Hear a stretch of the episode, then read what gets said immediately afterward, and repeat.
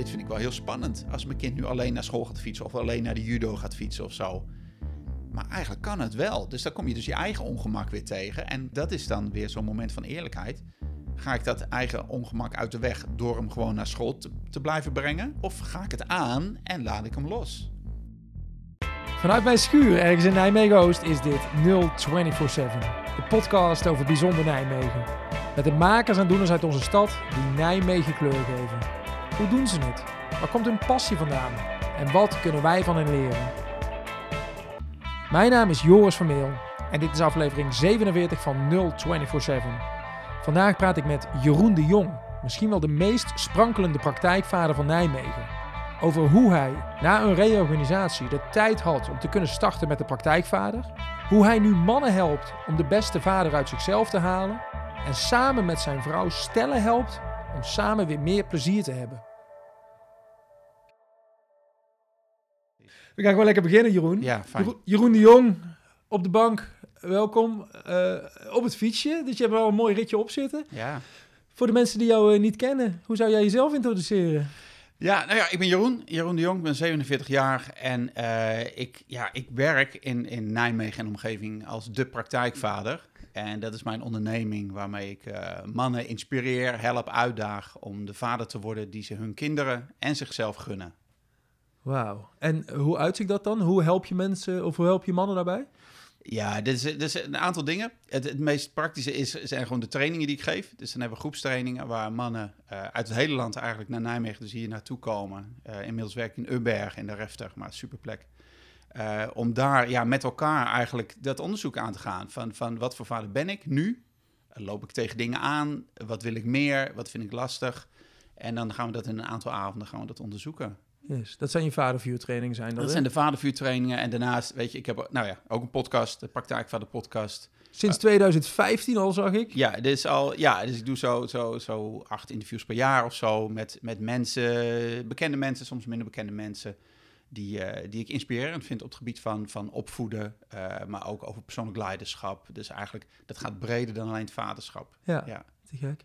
Hey, hoe lang doe je dit al? Hoe lang heb je de praktijkvader al? Ja, sinds 2014. Ja, sinds 2014. Een jaar of acht? Ja. Want je hebt zelf ook kinderen. Je ja, hebt, je ja dat is wel handig in dit je, vak. Uh, ja. Precies, je hebt twee zoons en een dochter volgens mij, als ik Ja, goed geïnformeerd ben. Hoe oud zijn ze? Uh, mijn oudste zoon die is, uh, die is 19. Dan nog een zoon van 17. En mijn dochter, mijn jongste, is 14. Kijk, je bent uit de luiers. Ik ben ruim uit de luiers. Ja, ja, ja. ja dus uh, dat betekent dat je met de praktijkvader bent gestart toen, uh, toen je oudste uh, een jaar of negen was, denk ik. Zoiets, ja. ja. Hij was zo, zo, zo 9, 10, zeg maar, 9, 10 jaar oud. Ja. Dus toen 2012 ben ik een beetje begonnen met onderzoek. 2013 de eerste dingen proberen. En vanaf 2014 is voor mijn gevoel echt dat het begonnen is. Ja, want hoe is dat ontstaan? Kun je me eens meenemen? Want je bent hier niet voor opgeleid. Je hebt geen, uh, nee, nee, die je hebt training geen studievader, studievaderschap gedaan. Nee, nee, nou ja, weet je, dat begon uh, ja, gewoon met mijn eigen vaderschap. Toen, uh, toen Wendy, mijn vrouw, zwanger was van Tijn, dus de oudste, dus, dus nou, nu zo'n 20 jaar geleden.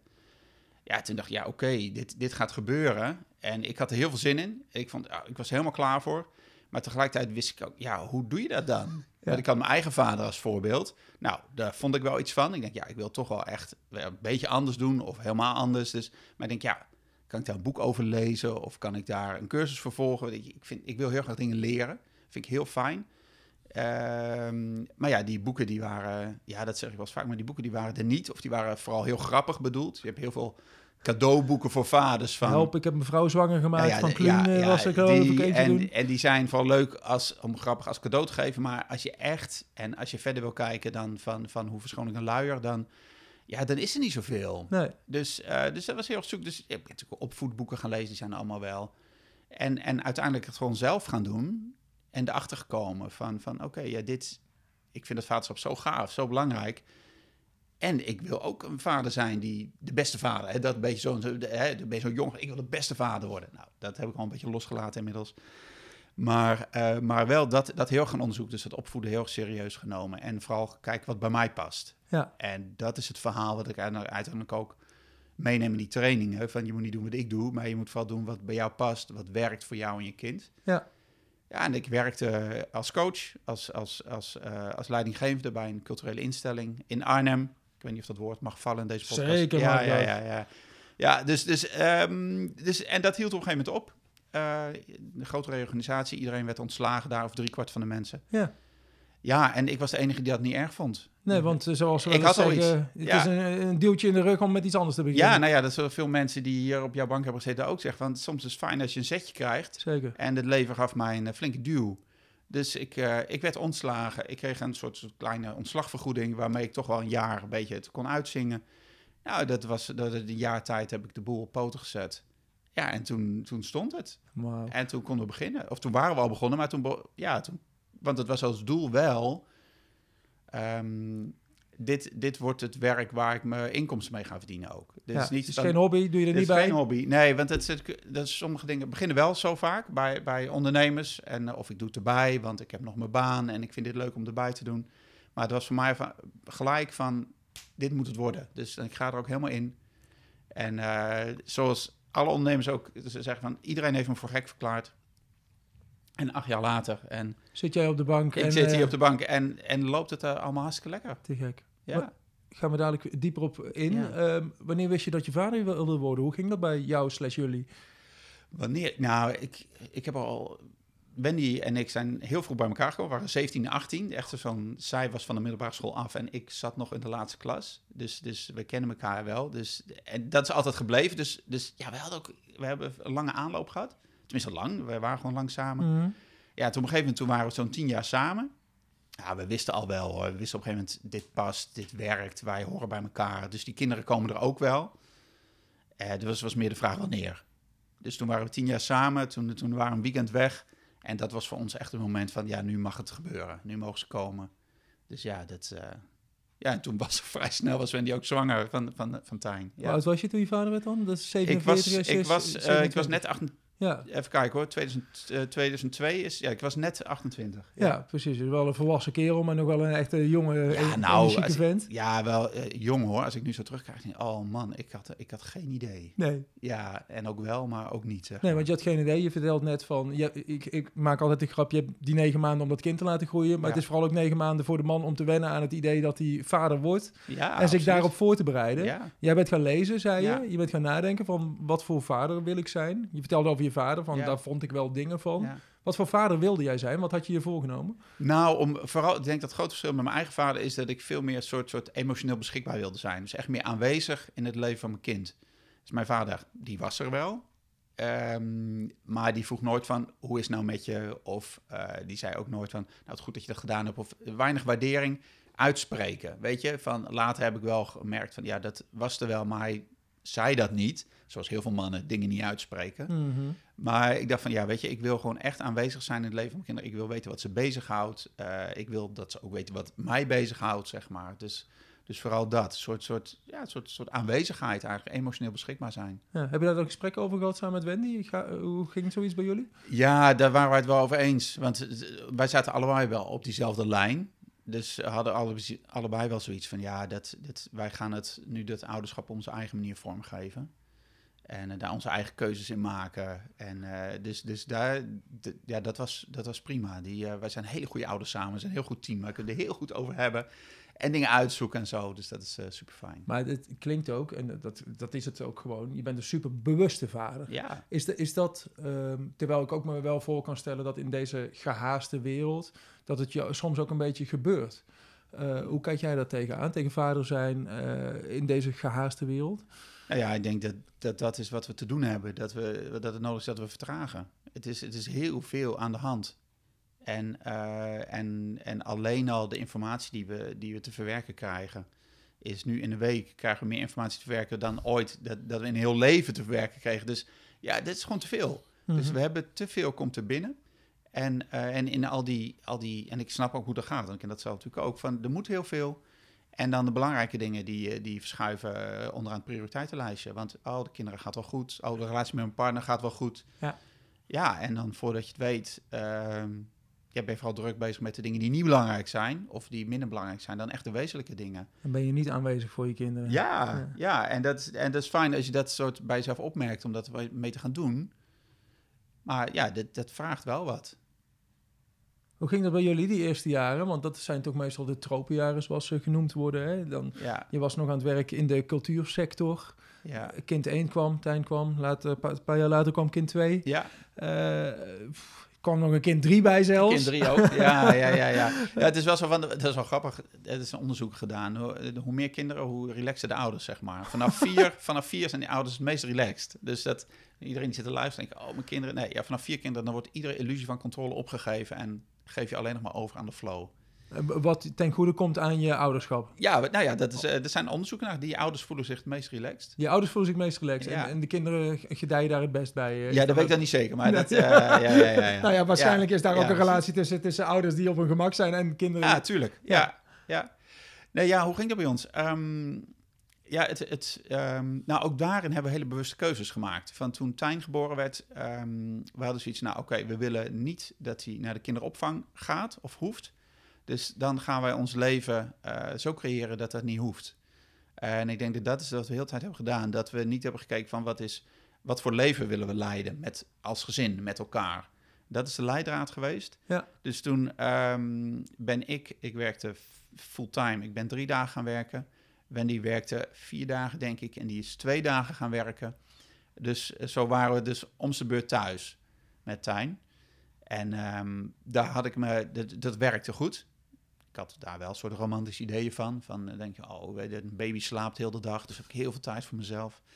Nou, en wij hadden een baby die niet sliep overdag. Dus ik had helemaal geen tijd voor mezelf. Ja. Ik denk van, oh man, dus, dus nou ja, dan moet je dingen gaan doen. Verwachtingen zijn killing Dus ik natuurlijk. ben er heel veel naar buiten geweest, heel veel gewandeld met hem. En ehm, ja, en toen uiteindelijk, toen, de, toen Noek kwam, toen, eh, toen is dat verschoven, zeg maar. Toen, toen is Wendy eh, gestopt met werken en ben ik iets meer gaan werken. Ehm, werkte ik weer bijna fulltime. Had ik nog wel nog één dag in de week vrij. En zo is dat. En toen uiteindelijk toen Roos werd geboren, dus 2008, toen waren we een stuk verder. Toen heb ik, eh, hebben we dat nog een tijdje volgehouden. Uiteindelijk Wendy was al bezig met de eigen praktijk. Zij geeft zwangerschapsbegeleiding, ook hier in Nijmegen, haptonomische zwangerschapsbegeleiding.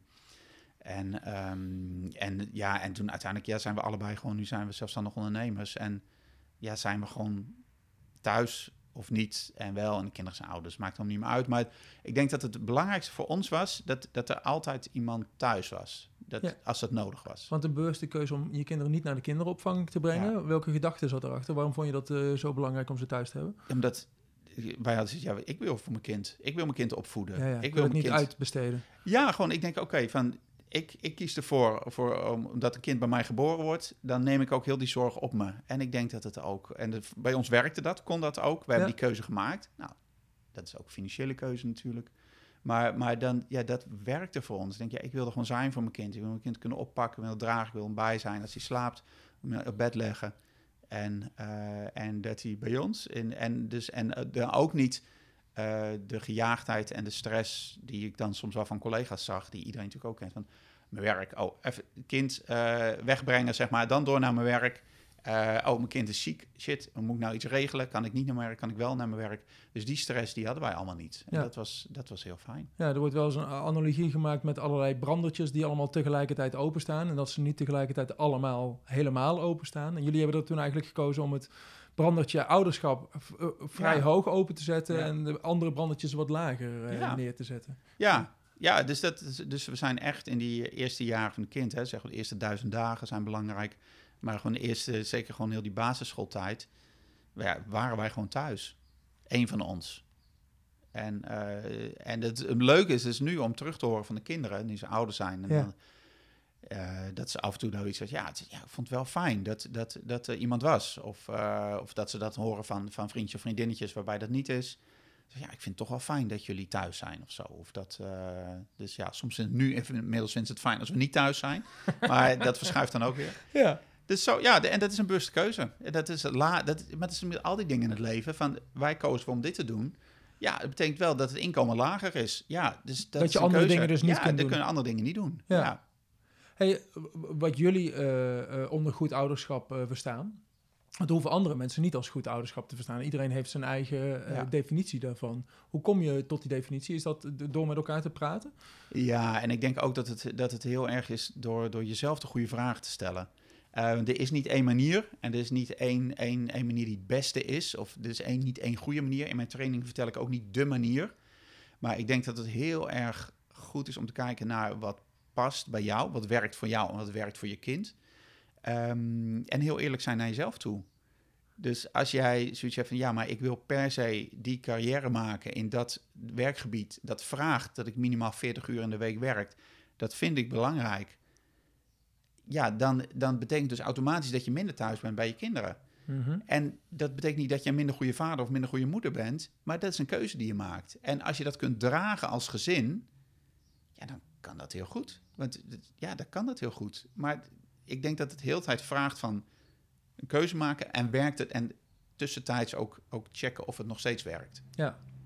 En als je, sommige kinderen die vinden, die zijn super zelfstandig, die redden zich prima. Dat zijn, en, maar als je een zorgkind hebt, gewoon, eh, gewoon misschien een kind dat ziek is of, of iets anders, ja, die heeft meer tijd nodig. En dan zul je je leven daarop moeten aanpassen. En, en dat is iedere keer, wat is het belangrijkste? Ja, en als je daarnaast een, een, een, dikke vette carrière wil hebben, gaan die twee dingen wel samen. En die vraag zul je dan moeten stellen. Ja, en dat, dat is ieder, en dan moet je iedere keer, denk ik, voor jezelf uh, beslissen. En dat, dat helpt. En dat denk dat, dat doe ik ook in de trainingen. Is iedere keer van, ja, maar wat is nou de vraag die je uit de weg gaat? Het is altijd een vraag die je uit de weg gaat. Welke, welke vraag wil je liever niet beantwoorden? Eh, zoals? Welke vragen eh, spelen er zoal? Nou, soms, zo'n man in de training, die, die zitten in die goede baan met de leaseauto en het grote huis. Maar die weten, het wringt. Ik wil eigenlijk iets anders. En niet, niet eens per se minder uren werken, maar ik wil eigenlijk iets wat, wat beter bij me past. Ja. Oh, maar dat is een baan met de helft minder inkomen. Oh, shit. Dus welke vraag durf kan ik leven zonder die luxe? Ja. En dan soms komen ze uit, ja, dat kan ik niet. Dat kan ik, ik ben zo, ik vind het zo fijn, dit leven. Met die vakanties en zo. En dat is ook legitiem. Ja, maar dan betekent dus dat je die, die droombaan, dat je die even niet hebt. Dus dat is, en dat is ook met kinderen. Ook met kinderen van, heb je twee kinderen? En, en, en ja, ik wil er nog wel eentje. Ja, welke vraag durf je zelf niet te stellen? Van, van oh, dan wordt mijn leven nog drukker. Of, of, of als je partner tevreden is met twee en jij drie ja, durf je dat in te brengen? Van, ook al wil zij het niet. En wat, wat ja, durf je de moeilijke vragen of de moeilijke gesprekken aan te gaan met je partner, met jezelf? Dat is toch iedere keer waar, waar het op uitkomt. Ja. En je werd vader, je had er een beeld van. Hoe ging het? Ja, ja, ja, fantastisch en, en niet, zeg maar. ja, het is, het is wel, het, ik ben, ja, het is wel, het is echt wel het mooiste wat, wat kinderen krijgen, kinderen opvoeden, uh, grootbrengen. Het is wel het mooiste. Ik vind het het mooiste wat er is. Waarom? Ja, er, komen, er komt een nieuw mens in je leven. En die, die komt voor een deel uit jou, zeg maar. En dat is een, die, heeft iets, ja, die heeft iets van mij en ook dingen niet. Ja, en dat blijken dan, ja, dat blijken gewoon de leukste mensen te zijn die, die er zijn, zeg maar. En die wonen dan gewoon opeens in je huis. En dan, soms word je ontzettend gefrustreerd van ze, maar ook weer niet. En dat is dan zo'n zo'n onvoorwaardelijke liefde. En dat zal iedere ouder beamen. Van naar je kind toe. Van denk, ja, die, die is er gewoon. En soms zijn ze ontzettend vervelend. En weet je niet wat je met ze aan moet. Maar dan andere momenten is het weer helemaal fantastisch. En dan zijn ze lief en komen ze bij je op schoot of zegt iets grappigs. En dan, dus dat, dat. En ja, ik vind het heel fijn om te zien ook. Mijn kinderen zijn natuurlijk nu een stuk ouder. Om dat helemaal zo, zo ook terug te zien af en toe dan op foto. Of soms een filmpje of puur gewoon een, iets wat, wat ik me herinner van oh ja, maar toen was je vier en, en toen, toen was je aan het leren fietsen of zo. Ja, en nu, nu is hij 17 en, en staat, is hij aan het rocken op zijn basgitaar. Dus ja, dat, ja dat, dat je dat helemaal zo meekrijgt en zo stap voor stap in groeit. En daar, ja, ik zelf net zo goed natuurlijk. Want zegt, ja, je moet ons kinderen van alles leren. Maar ik leer minstens net zoveel van mijn kinderen. En wat heb je geleerd sinds het begin? Want je hebt er natuurlijk een beeld van bij, bij vaderschap, wat, wat daaronder verstaan wordt. Ja. Wat heb je moeten leren? Hoe ben je zelf tegengekomen? Uh, sowieso dat alles altijd anders loopt dan je plant, of dan je verwacht. Ik was, hè, wat ik in het begin, ik ging al die boeken lezen en ik, ga het goed doen. Dat was, ik, ga ik wil misschien niet per se de beste vader worden, maar ik ga het goed doen. En dan had ik hele rechtlijnige ideeën over het moet zo, het moet zo, het moet zo. Ja, dan blijkt dat gewoon weer niet te werken. Want je hebt een kind die, die of bij de ene kind werkt het dan wel en dan komt het tweede kind. Denk je, ik weet nu een beetje hoe het zit. En dan die, die heeft een hele andere aanpak nodig. Uh, maar ik heb, ben, um, wat ik heel erg geleerd heb, is om mijn eigen ideeën, mijn eigen soort principes of dingen die ik had, soort los te laten. En te kijken wat er in het moment nodig is. Dus, dus, en dat is soms ook ongemakkelijk, want dat betekent dat- dat ik, het, dat ik eigenlijk het niet durf te weten. Dus dat als er iets is met een kind, dat ik niet, oh, het moet gelijk zo, Ja. maar dat ik eerst gewoon kijk, observeer, wat is hier nou echt aan de hand? Wat is de juiste, wat is de juiste manier voor mij om te reageren? Misschien moet ik even niet reageren. En, en erop te vertrouwen dat, dat er in het moment iets ontstaat wat nodig is. Maar daarmee ook dus weer de uitkomst los te laten. En nou ja, als je kleine kinderen hebt, iedereen die heeft momenten gehad van dat je peuter of kleuter zijn jas niet aan wil trekken op het moment dat je naar school wil gaan en je bent al te laat, want ja, dat. En dan kun je gaan duwen, trekken en, en, en, dan, en dan of is het even, toch even stoppen en die jas maar gewoon loslaten. Wil je zonder jas? Gaan we zonder jas. Weet je, ik stop die jas wel in mijn tas. Of misschien is je kind helemaal ergens anders mee bezig. Heeft hij nog even één minuutje nodig om het, het spel af te maken. En dus dat iedere keer niet mijn manier opdringen aan het kind eigenlijk. Ja, Ja, herkenbaar. ja, ja dat is denk ik voor iedereen herkenbaar. Dat, dat denk ik ook. Ja, Het was, eh, het was zover. Jij startte met je eigen praktijk, praktijkvader.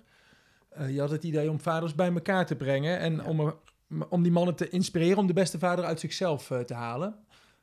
Daar organiseer je vadervuurtraining voor. Deed je Ja. dat toen ook al? Was dat toen ook al gelijk het idee? en, ja, dat is echt het begin geweest. Want ik wilde met mannen bij elkaar komen Ja. om het hierover te hebben. Juist omdat ik dat zelf ja, ook had gemist. Want je had ook, je- volgens mij was je de eerste van je vrienden en eh, die, die vader werd. Dus je had Ja. niemand om mee te sparren. Nee, dus, dus dat was er ook niet. En als ik dan een gesprek had, dan ging het toch eerder van over praktische dingen. Van welk autostoeltje moet ik kopen of dat soort hè, Dat kunnen mannen heel goed. Ja. Ja, oké, ja, wat, wat moet ik dan allemaal regelen en ehm, wat moet ik in huis hebben?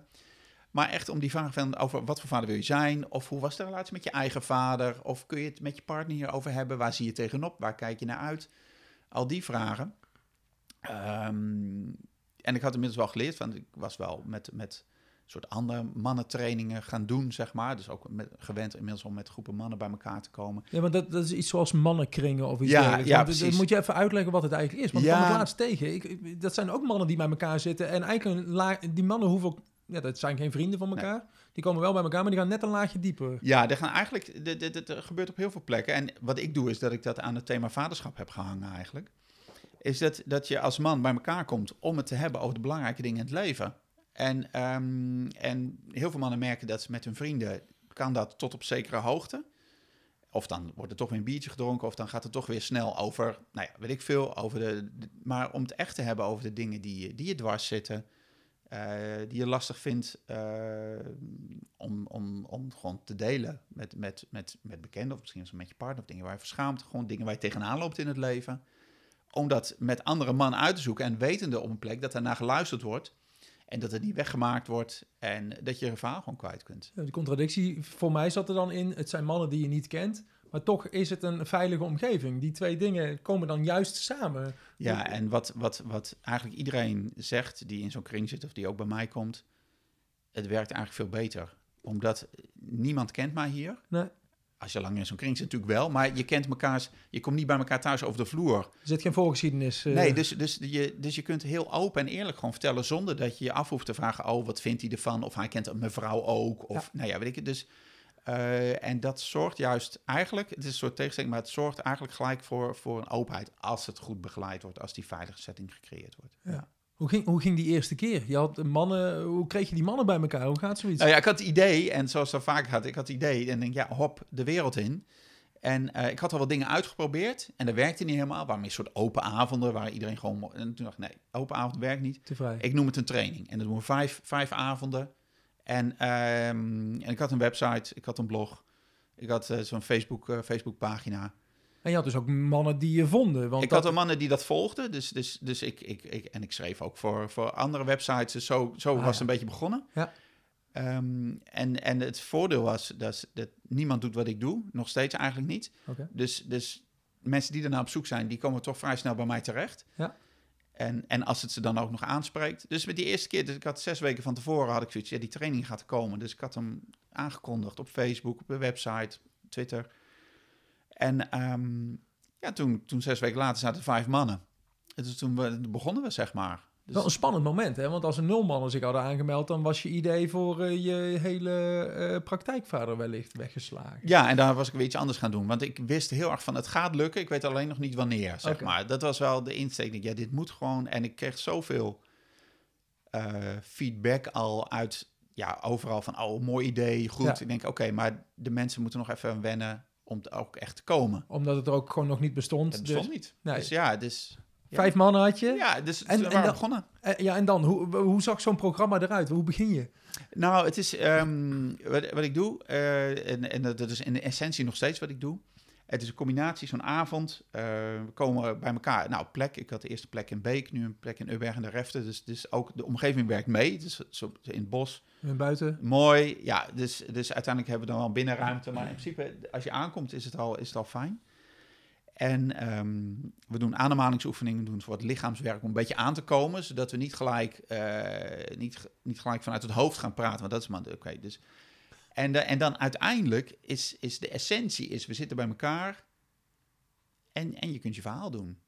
En je kunt gewoon vertellen hoe het met je... En ik, ik, ik leid dat in, of ik begeleid dat, of ik stel de eerste vraag, of ik vertel, vertel zelf iets. En dan is het zo van, ja, maar die vraag van wat voor vader wil je zijn, wat kom je daarin tegen? Nou, dan zegt de ene man van, ja, weet je, pff, ik, eh, ik sta af en toe te schreeuwen tegen mijn kind en ik weet niet hoe ik dat anders moet doen. Nou, dus dat kan een ingang zijn. Ander zegt van, oh, ik heb zoveel dingen te doen in mijn leven, zo druk. Ik heb eigenlijk geen tijd voor die kinderen, terwijl ik dat wel wil. Dus hoe doe ik dat?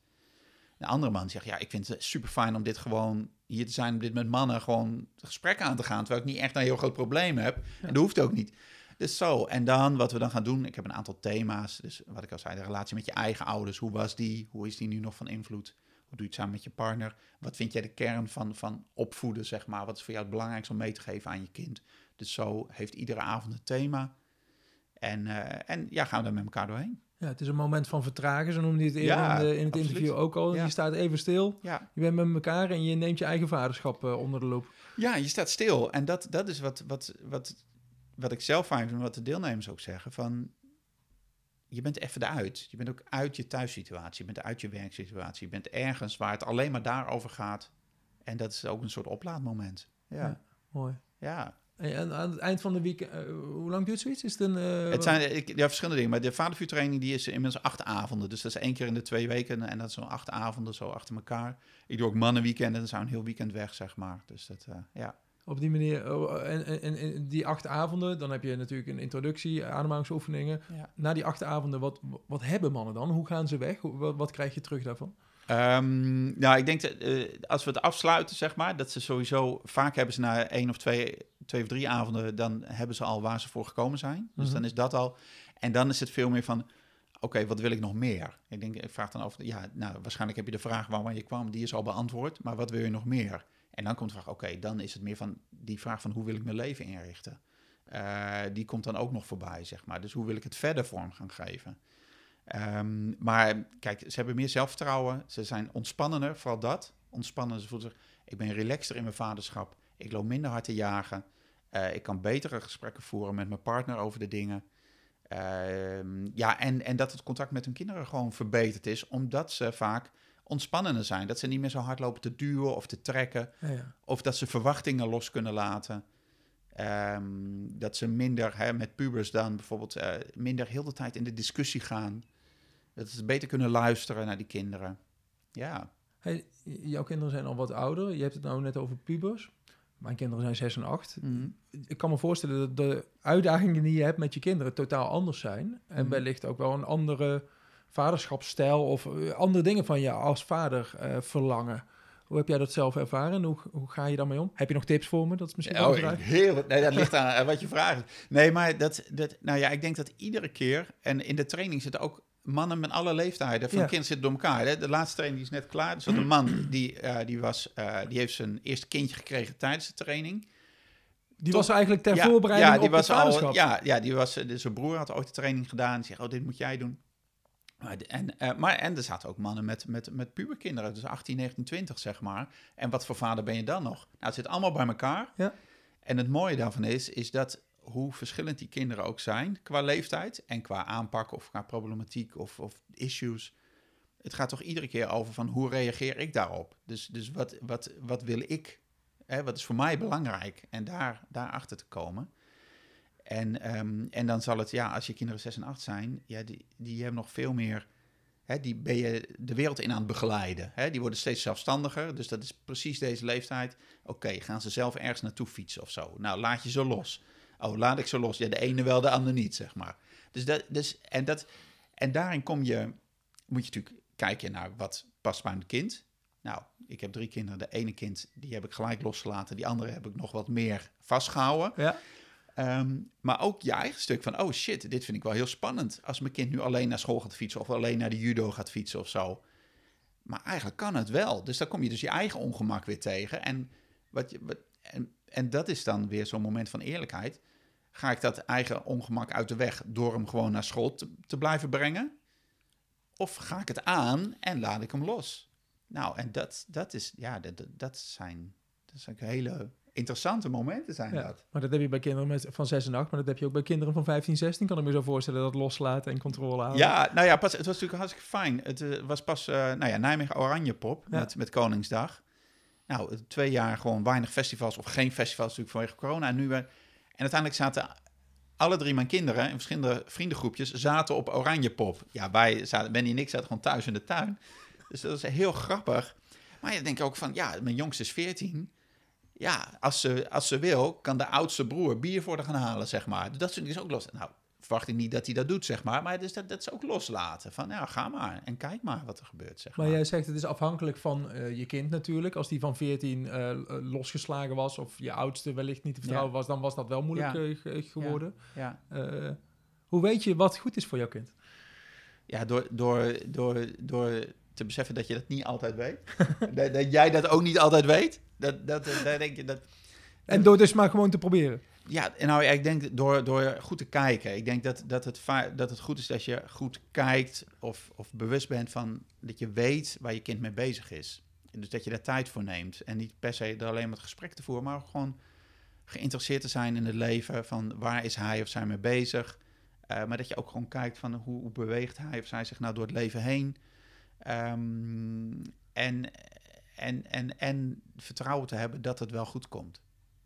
Dat, dat, en natuurlijk gaan ze een keer op de bek. En natuurlijk komen ze een keer dronken thuis. Of natuurlijk knallen ze een keer van de fiets. Gaan ze een keer op, fiets, op de fiets alleen naar school. En dan, en dan komen ze ergens, rijden ze net de andere straat in. En dan weten ze niet hoe ze terug moeten komen. Ja, nou ja, uiteindelijk komen ze wel weer terug. Weet Ja. je, het is Nijmegen. Hè? Dus, dus, dus dat vertrouwen te hebben dat het wel goed komt. Ik denk dat, dat, dat heel veel, ehm, heel veel opvoeden, zeg maar. Hè. Opvoeden is vaak vanuit soort, soort controle willen hebben, vanuit angst dat het niet goed gaat. En ehm, ik gebruik vaak het woord voorleven in plaats van opvoeden. En dat is eigenlijk dat je voorleeft wat je zelf belangrijk vindt. En dat is meer vanuit vertrouwen. Van, van, hè, je bent zelf het voorbeeld als ouder. Dus als jij goed in je vel zit, als jij nou, de dingen redelijk verstandig aanpakt, zeg maar, grote kans dat de kinderen dat ook wel gaan doen. Dus ze komen wel terecht. Ja. Want vertrouwen is dan het kernwoord, maar vertrouwen in je kind hebben begint bij vertrouwen ook in jezelf hebben, Ja. denk ik. ja. Eh, vaderschap is niet los te zien van wie je bent als persoon. Nee, Eh, integendeel. Ja, Ja, eh, precies, maar Ja. jouw vaderschapstrainingen gaan eigenlijk ook over persoonlijk leiderschap eh, daarmee, toch? Ja, want dat, is het, dat klopt. Want het is, het, is, het, is, het is veel meer gaat over wie ben ik, wat Precies. wil ik en hoe ga ik dat doen in mijn vaderschap. Dan dat het een opvoedcursus is met dit, dit, dit en Ja. de vinkjes en de diploma aan het eind. Nee, het is, nee ja, die krijg je niet. Je krijgt van mij geen diploma. Nee. Dus het is heel erg ja, van, van net zoals je in je werk bezig bent of in je onderneming of in je relatie of zo, ook in dat ouderschap. Van wat voor man wil ik zijn als vader? Wat, wat wil ik doen? Wat wil ik meegeven? Ja. ja. Hey, als je die acht keer gedaan hebt, die acht avonden, of je hebt een weekend gedaan, Ja. Eh, is het dan klaar? Of heb je ook wel eens eh, mannen die terugkomen? Hoe, hoe gaat dat in de praktijk? Nou, heel veel mannen vinden het dan zo fijn. Dat ze, eh, dat, dat ze het zo fijn vinden om zo'n moment te hebben voor zichzelf. Dat ik heb ook dan vervolggroepen. Dus, dus dan is de training geweest. En dan zijn er altijd wel mannen die meer willen. Dus dan heb ik een soort, soort dat zijn dan doorlopende groepen. Eén keer per maand. En ja, die, daar kun je inkomen. En het mooie daarvan is, heel veel mannen zitten in zo'n groep. En die gaan niet meer weg. Want die zegt, dit is mijn moment. Elke maand één moment om stil, Stilstaan. stilstaan bij mezelf. Goede vragen stellen aan mezelf. Maar ook het plezier van het eh, contact met andere mannen. Want het is ook echt, het is niet alleen maar in, in de kring zitten en zwaar gesprekken voeren. Het is ook gewoon leuk. We hebben lol samen. Eh, er wordt gelachen. En benen in september was een van de mannen die, eh, die was gescheiden, een nieuwe vriendin, ging trouwen. Oh ja. Die had heel de groep uitgenodigd op zijn bruiloft. Oh, dus stonden we met tien mannen, stonden we daar. Ja, dat was fantastisch. Dus, dus dat is het ook. Het, er ontstaat, in het begin ken je elkaar nog niet, maar sommige mannen zitten jaren in zo'n groep en dan ontstaan er ook vriendschappen. Ja, maar eigenlijk is het een, een, nieuwe vriendengroep waarbij je wel die diepere laag hebt. Ja, dat is, dat is wat, wat er dan gebeurt. Ja.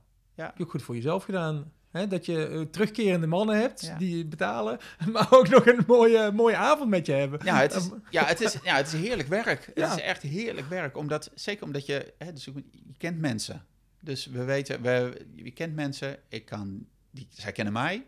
Dus we kunnen ook dieper gaan. Als ik, ik kan oefeningen uitproberen, zeg maar. Ik kan risico's nemen, ook als, als lei- gespreksleider of als, als, als, hè, als trainer, zeg maar. Dus dat is super.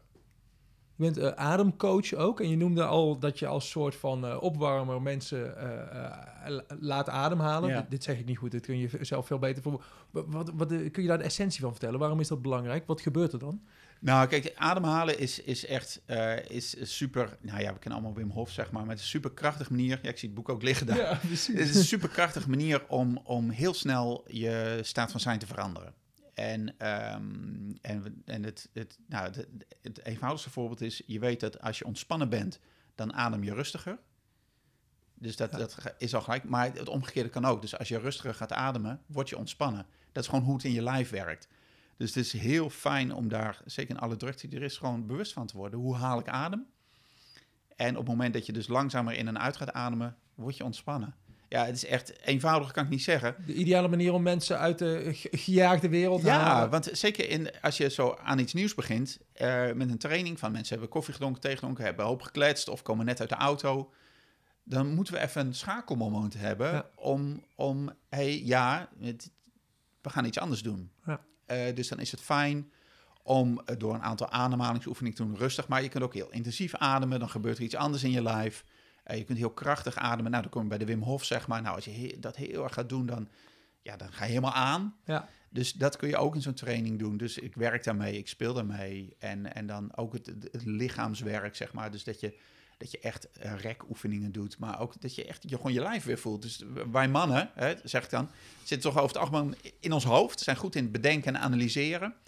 En, ehm, maar daar krijgen we de dingen niet mee opgelost. Niet alleen. Dus we moeten ook in dat lijf eh, le- leren voelen meer, zeg maar. En dat, eh, dat werkt. En dan heb je een soort, soort schakelmoment gehad. Mooi. Dan is die dag weer een beetje vergeten of de rit na- naartoe is vergeten. En dan kunnen we de diepte in. Dus dat is echt even nodig. Wat te gek zeg. Ja. Je, je noemt het vader-vuurtrainingen. Ja. Welke rol speelt vuur in je trainingen dan? Ja, ja. je houdt van fikkie stoken, las ik ergens. ja dus, dus ik, ben, ik ben er heel erg... eh, ik, ik hou erg van vuurstoken. ik, Wat ja, is daar mooi aan? Ja, ik snap het. eh, Het, het is, het, ik vind vuur heel, ik vind iets magisch. Iedere keer als je vuur maakt, gewoon met hout of in je houtkachel of gewoon ergens gewoon. Het, is, het, het, is, het, hypnotiseert bijna. Je kunt heel lang, je kunt heel lang in vuur staren. Ja. Blijkbaar, dat, is- dat blijkt ook iets dat het iets oers is van vroeger nog, van toen we nog in holen leefden, dat vuur ook veiligheid betekende. Als er vuur was, was het veilig. Dus dat, dat zit ergens in ons systeem, zit dat nog ingeprint. Eh, vuur is veilig, dan komen we tot rust en dan mogen we ontspannen. En ehm, daarnaast is het gewoon heel fijn om vuur te maken en het is lekker warm. En, en, en, en, maar het is ook, kijk, ik noem het vadervuur, omdat het natuurlijk ook gaat om het vuur in jezelf opstoken. En het mooie van ondernemen is, van ik, van, ik zat dus op die kantoorbaan toen ik nog een echte baan had. Ja. dacht ik, ja, maar hoe ga ik dat dan doen? Hoe ga ik dat dan vormgeven? En ik van, ja, nou, ik wil met die mannengroepen doen. Het moet op een plek waar een eh, natuur is. En ik wil eigenlijk ook vuur erbij. Nou ja, dat is fijn als je je eigen onderneming gaat zetten. Dan kun je dat gewoon allemaal gaan regelen. Dus denk, zo moet het. Dus, ehm, dus wat we ook doen, is elke avond sluiten we af bij het vuur. Dus we, binnen doen we de training en dan is er buiten een vuurplek. En dan kunnen we even napraten. Dan kunnen we even nog een beetje tot rust komen weer. Voordat iedereen weer de auto stapt naar huis in. En dat is, dat is fijn. Dan kunnen nog even andere gesprekken gevoerd worden. Kunt nog wat vragen stellen. En ondertussen maken we vuur. En staan nog een half uurtje zo'n beetje zo ja, bij te komen, tot rust te komen. En eh, in het vuur te staren. Het is ook een soort ritueel, kan ik me zo voorstellen. Ja. Dat je begint met ademen, je eindigt met vuur, Ja. je staart daarin. En het is Ja. een overgang weer naar eh, de normale wereld. Ja, dat is zo wel. Ja, en dan Mooi. zelfs in zo'n avond, dan, dan doen we dat, zeg maar. Mooi dat je dat dan bedacht hebt en dat het ook uit, eh, zo blijft te werken. Ja, dat is, ja en, en dat is heel fijn. En, en iedereen vindt het ook prettig. Het is fijn om even wat tak op het vuur te gooien. Of daar gewoon, oh ja, nog hoger soms. Hè. Sommigen zijn lekker enthousiast. Oh shit, de bomen, kijk even de bomen. Ja. dus, dus dat is wel, eh, ja, dat is gewoon lekker. Gaaf. Ja, ja. Hey, eh, dit had je vooraf al bedacht en dat blijkt zo te werken. Zijn er dingen in je onderneming die, eh, ja, die erbij zijn gekomen? Noem, noem Liever de Liefde bijvoorbeeld. Ja. Je hebt samen met je vrouw heb je ook een onderdeel opgezet. Vertel daar eens over. Ja, dat is te gek. Ja, dat is, ja, dat is, ja, dat is, nou ja, dat, liefde, liefde. Ja, dat is, dat is onze ja, tweede onderneming eigenlijk. En derde, want Wendy heeft haar eigen praktijk ook. Maar, Mhm. maar, en daarin doen we relatiebegeeleiding. Dus, dus, eh, Want dus vaderschap is natuurlijk niet los te zien van het moederschap, van het ouderschap. Dat doe je niet alleen. Nee, dus zo dus is dat ook ontstaan. Wendy werkt wel veel met ouders, vooral eh, op moment in de zwangerschap. Ik werk veel met vaders. En wat ik in de, in de vadertraining ook merkte, is dat, dat de, de relatie met de partner is voor veel mensen gewoon een ding. Want die verandert als je kinderen krijgt. Ja. Nogal. Ehm, niet altijd ten goede. Hè. Het is drukker. eh, soms eh, komt er meer afstand. Of die relatie die gaat wat minder. eh, die gaat ook omlaag in het prioriteitenlijstje. Want er is gewoon minder tijd voor. Nou, je kunt elkaar uit het oog verliezen. Dus korter, langer, allemaal. Je krijgt nieuwe rollen. Als moeder of vader ben je ook beschermender, wat tegelijkertijd niet altijd even spannend is. Ja, allemaal. Dus die relatie verandert. Ja. En dat hadden wij zelf natuurlijk ook gemerkt in onze eigen relatie. En eh, dus dan hadden we zoiets, ja, maar wij hebben zo, wij ook heel erg in die relatie geïnvesteerd. We zijn zelf ook gaan zoeken. We zijn zelf op een gegeven moment ook begeleiding gezocht, om toen de tijd ergens niet uit te kwamen. Ik denk van ja, maar wij zijn trainers, we zijn begeleiders, we zijn, we zijn partners, dus gaan we dat samen doen. Dus dat is erbij gekomen. We zijn op een gegeven moment ook, ja, ook ja, op mooie plekken hier in de buurt eh, trainingen gaan geven, trainingsdagen. Dus, dus niet, niet per se relatiebegeleiding zoals klassieke relatietherapie, dat je elke twee weken een uur naar iemand toe gaat. Maar we doen echt een ja, mooie dagen eigenlijk, met een groep. Verschillende dagen doen we. Met, met een groep. Dus je hebt Ja. meerdere stellen bij elkaar dan. Ja, en dan komen we meerdere stellen bij elkaar. En de, hè, een van onze trainingen heet Terug naar het plezier in je relatie. Dus dat is echt van een soort, soort een dag voor z'n tweeën. Nou, je kunt ook naar de sauna gaan, je kunt een weekendje weggaan. Of je komt een dag naar ons. Ja. En dan ben je er ook uit. En heb je ook een mooie dag. En hebben we ook lekker eten. Maar we gaan met elkaar de diepte in. En, ehm, en op een manier die, die, die leuk is en diepgaand, zeg maar. Dus iedere keer wat we zoeken, we zoeken het plezier. Hè, het plezier in je relatie. Maar we kijken ook aan wat de blokkades zijn om daar te komen. Of, of daar te komen. Dus, of daar te blijven. En dat zijn super mooie dagen. Ehm, mensen vinden het vaak een beetje onwennig om te komen. Eén wil altijd liever dan de ander. Ja, precies. Want Ja. terug naar het plezier in de relatie Ja. betekent eh, dat je daarmee toegeeft dat het plezier uit je relatie weg eh, Ja, is. dat, dat het meer kan. Ja, ja de- en, en er komen mensen voor wie het echt de laatste strohalm is. Die zeggen, nou, pff, we weten echt niet meer. En er komen mensen die zeggen van... Ja, het gaat eigenlijk best oké, maar we willen meer. Dus, dus dat is ook weer die range. En dat is heel fijn om in zo'n groep ook te horen. En mensen vinden het heel fijn. Dat is net zoals bij die vadertraining ook van... Als iemand dan iets vertelt over de relatie... dan is het stel wat daarnaast zit zegt... Oh, gelukkig, ik ben niet de enige. Ja, oh, ja. jullie hebben dat ook. Ja. Oh, wat fijn, want ik dacht altijd dat ik de enige was en dat... Nou ja, want daar hebben we het vaak ook niet over met elkaar, over die relatie. Nee, de oplossing is vaak ga eens een avondje weg of neem eens wat tijd voor, me, voor jezelf. Maar dat ik kan me voorstellen dat dat niet voldoende is om tot meer Nee. plezier in de relatie te komen. Nee, niet als, als er bepaalde knelpunten Precies. zijn waar je iedere keer weer op uitkomt. Het- Ja. Je kunt het niet... Naar de sauna gaan samen is fijn, of een weekendje samen is fijn. Maar als je dan terugkomt, ja, is de situatie vaak nog hetzelfde. Want die knelpunten zijn er nog. Ja. Die zijn niet opgelost. Ja, dus dan is het inderdaad kijken van waar knelt het. En eh, ja, daar, nou, dat helpen om mensen dat in kaart te brengen. Waar knelt het, maar ook wanneer zijn we helemaal op ons best, zeg maar. En wat is dan het verlangen in de relatie, waar wil ik meer van? Maar ook gewoon beseffen dat het anders is. Weet je, we zeggen terug naar het plezier, maar dat betekent niet terug naar de tijd dat het leuk was. Want die tijd is er niet meer. Je bedoelt, toen had je geen kinderen, nu heb je wel kinderen, daardoor is er iets veranderd. Ja, vaak, Ja. vaak is dat wel van, van dat, oh, oké, ja, toen we nog geen kinderen hadden, ja, toen, ja, dan was het ook een stuk eenvoudiger. Ja. Of, weet ik veel, vijf jaar geleden, eh, of iemand heeft een burn-out gehad, of weet ik wel, het kan allemaal gebeuren. Dus, dus hoe kom je weer naar, bij het plezier? Ja, Hoe is dat om met je, met je vrouw te doen? Dat lijkt me ook wel te gek, zeg. Dat is hartstikke leuk. Ja, het is, het is, het is ook wennen, want je bent opeens ook collega's. Nou, dus daar kom je elkaar ook in tegen. Maar we doen dit ook alweer een hele tijd. En eh, ja, ik vind, het, ik vind het fijn. Het is een feestje, het is heel ontspannen. We weten zo goed wat we, wat we aan elkaar hebben. En ook in die training. ehm Wendy is in sommige dingen goed, ik ben in andere dingen goed. Dus ook dat soort afwisselen. En, ehm, en dat werkt. En mensen vinden het heel fijn. Dat krijgen we vaak terug. Nog los van wat we doen. Dat ze zeggen van ja, maar jullie zijn ook een stel. Dus jullie hebben dit ook Ja, ja. doorgemaakt. Geeft je meer geloofwaardigheid. Ja, eh, en we vertellen ook natuurlijk over onze eigen dingen waar we tegenaan zijn gelopen. Dus, eh, dus dat maakt het ook eerlijk en puur. Ehm, dus ja, het is geen trucje. Het is gewoon echt. Ja. Ja. Hey, zowel liefde liefde als eh, je, je vadervuurtrainingen, dat is met, met, met groepen mensen bij elkaar die elkaar nog niet kennen. Eh, iedereen die dit luistert, eh, he- heeft eigen vriendengroepen. ja. Als je dat observeert en je ziet eigenlijk van daarin komen niet die echte gesprekken altijd tot stand over vaderschap. Hoe kunnen we dat wel voor elkaar boksen? Of is dat eigenlijk een illusie om dat voor elkaar te Het boksen? kan, kan wel. En het gebeurt ook wel. Maar ja, er moet eentje zijn die begint. Hè? Als jij met je vrienden bij elkaar zit en het is oké, maar je hebt toch het gevoel van ja, maar ik wil toch iets vertellen wat je anders misschien niet zo snel zou vertellen. Ja, er moet iemand beginnen. Dus iemand moet het, moet het soort, soort risico nemen, zeg maar. Kwetsbaarheid tonen. Ja, om, om iets anders te doen dan wat je normaal met je vrienden doet. Of een ander gesprek aan te gaan dan je anders doet. En ehm, misschien is dat niet het goede moment na het zesde biertje in de kroeg, zeg maar.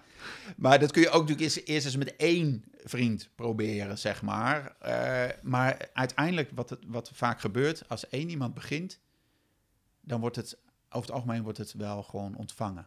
Moet je, dat moet je wel een beetje aanvoelen, maar En de juiste vriend uitkiezen bij wie ja, dan precies. Vaak weet je het wel. En, ehm, en ja, wat je zegt van ook, als je daar eerlijk in bent, als je zegt, ja, nou, ik heb dit met mijn kinderen, dat vind ik echt heel lastig. Nou, grote kans dat die ander dan zegt van, oh, dat herken ik wel. Of nou ja, dat niet, maar ik heb iets anders wat ik lastig vind. Nou ja, hop, dan dan zijn we allemaal weer mensen die, die af en toe een bandje aan het aanklooien zijn. En dan kan het wel. Dus, maar het vraagt om een soort openheid. ja. Een steken, denk ik gewoon. Fik steken en dan... eh, Nou ja, bij een vuurtje, dat, eh, ja, dat is altijd fijn. Nou ja, weet je, van, van genoeg strandjes hier, dus, dus eh, genoeg plekken. Dus Mag je daar s'avonds nog zijn? Jawel, s'avonds tot een bepaalde tijd, geloof ik, hè, bij de Waal. ik ben nog nooit weggestuurd. Dus, eh, weg, met die lijnen. ja. Hey, je bent al tien jaar bezig, Ja, ongeveer. ja. Wat zijn je plannen nog?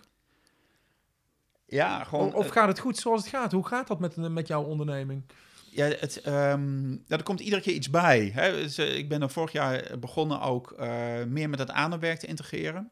Dus ik geef nu ook losse ademavonden. Die staan los Oh. van het praktijkvaart. Doe ik ook in de refter. Doe ik één keer per maand een ademavond, af en toe een ademdag. Dat is alleen maar stilstaan bij de adem. Los van vaderschap, daar mag, ja, mogen dat is ook... iedereen, eh, mannen, vrouwen, iedereen is welkom. Oh, en, leuk. ehm, dus dan gaan we echt dieper op die adem in. Eigenlijk wat ik net al een beetje zei. En dan, eh, dus dat is ook transformatief ademen. Dat is echt een manier dat je gaat ademen om, om ook lichamelijke en emotionele blokkades op te ruimen. Zoals de Wim Hof Plus eigenlijk. Ja. Dat is heel gaaf. En, ehm, en wat ik ook doe, ja, dat is een beetje buiten categorie, maar dat doe ik ook samen met Wendy. ehm, geven wij eh, zweethutten. Ik las het, ja. Ja, en dat is ook een manier. eh, dat is, ehm, ja, nou ja, dat is, heel veel mensen dat niet kennen, maar het is eigenlijk het is een manier van, van, van, van reinigen tot jezelf komen, die oorspronkelijk bij de Noord-Amerikaanse Am- Indianen vandaan komt. En het is, ja, je kunt, sommige mensen zeggen het is een natuursauna, maar je zit in een soort, soort hut van, van wilgetakken, die is helemaal afgedekt met dekens. Dus het is pikken donker. En daar worden dan hete stenen die twee uur in het vuur hebben, weer vuur hebben gelegen, worden naar binnen gebracht. En over die stenen wordt water gegoten. Dus het is pikken donker, het is hartstikke heet. En, en, en dan uiteindelijk ga je ook, kom je dichter bij jezelf. Het is- is heel fysiek in eerste instantie, maar ook is het bedoeld om ja, soort vragen op te lossen, zeg maar. Je komt tot inzichten.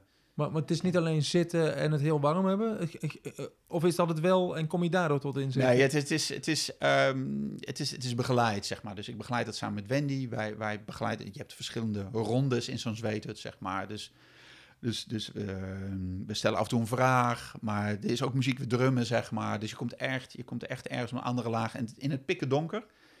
En, ehm, en dat is een hele fijne manier om, om ja, tot de kern te komen eigenlijk. Ja, dat is eigenlijk wat we allemaal doen. We proberen iedere keer tot, de, kern, te komen. Ja. Waarbij we heel erg dat, dat fysieke, dat lichamelijke ook nemen, zeg maar. Dus dit- hoe lang duurt zo'n zweethut dan? Hoe lang zit je daar?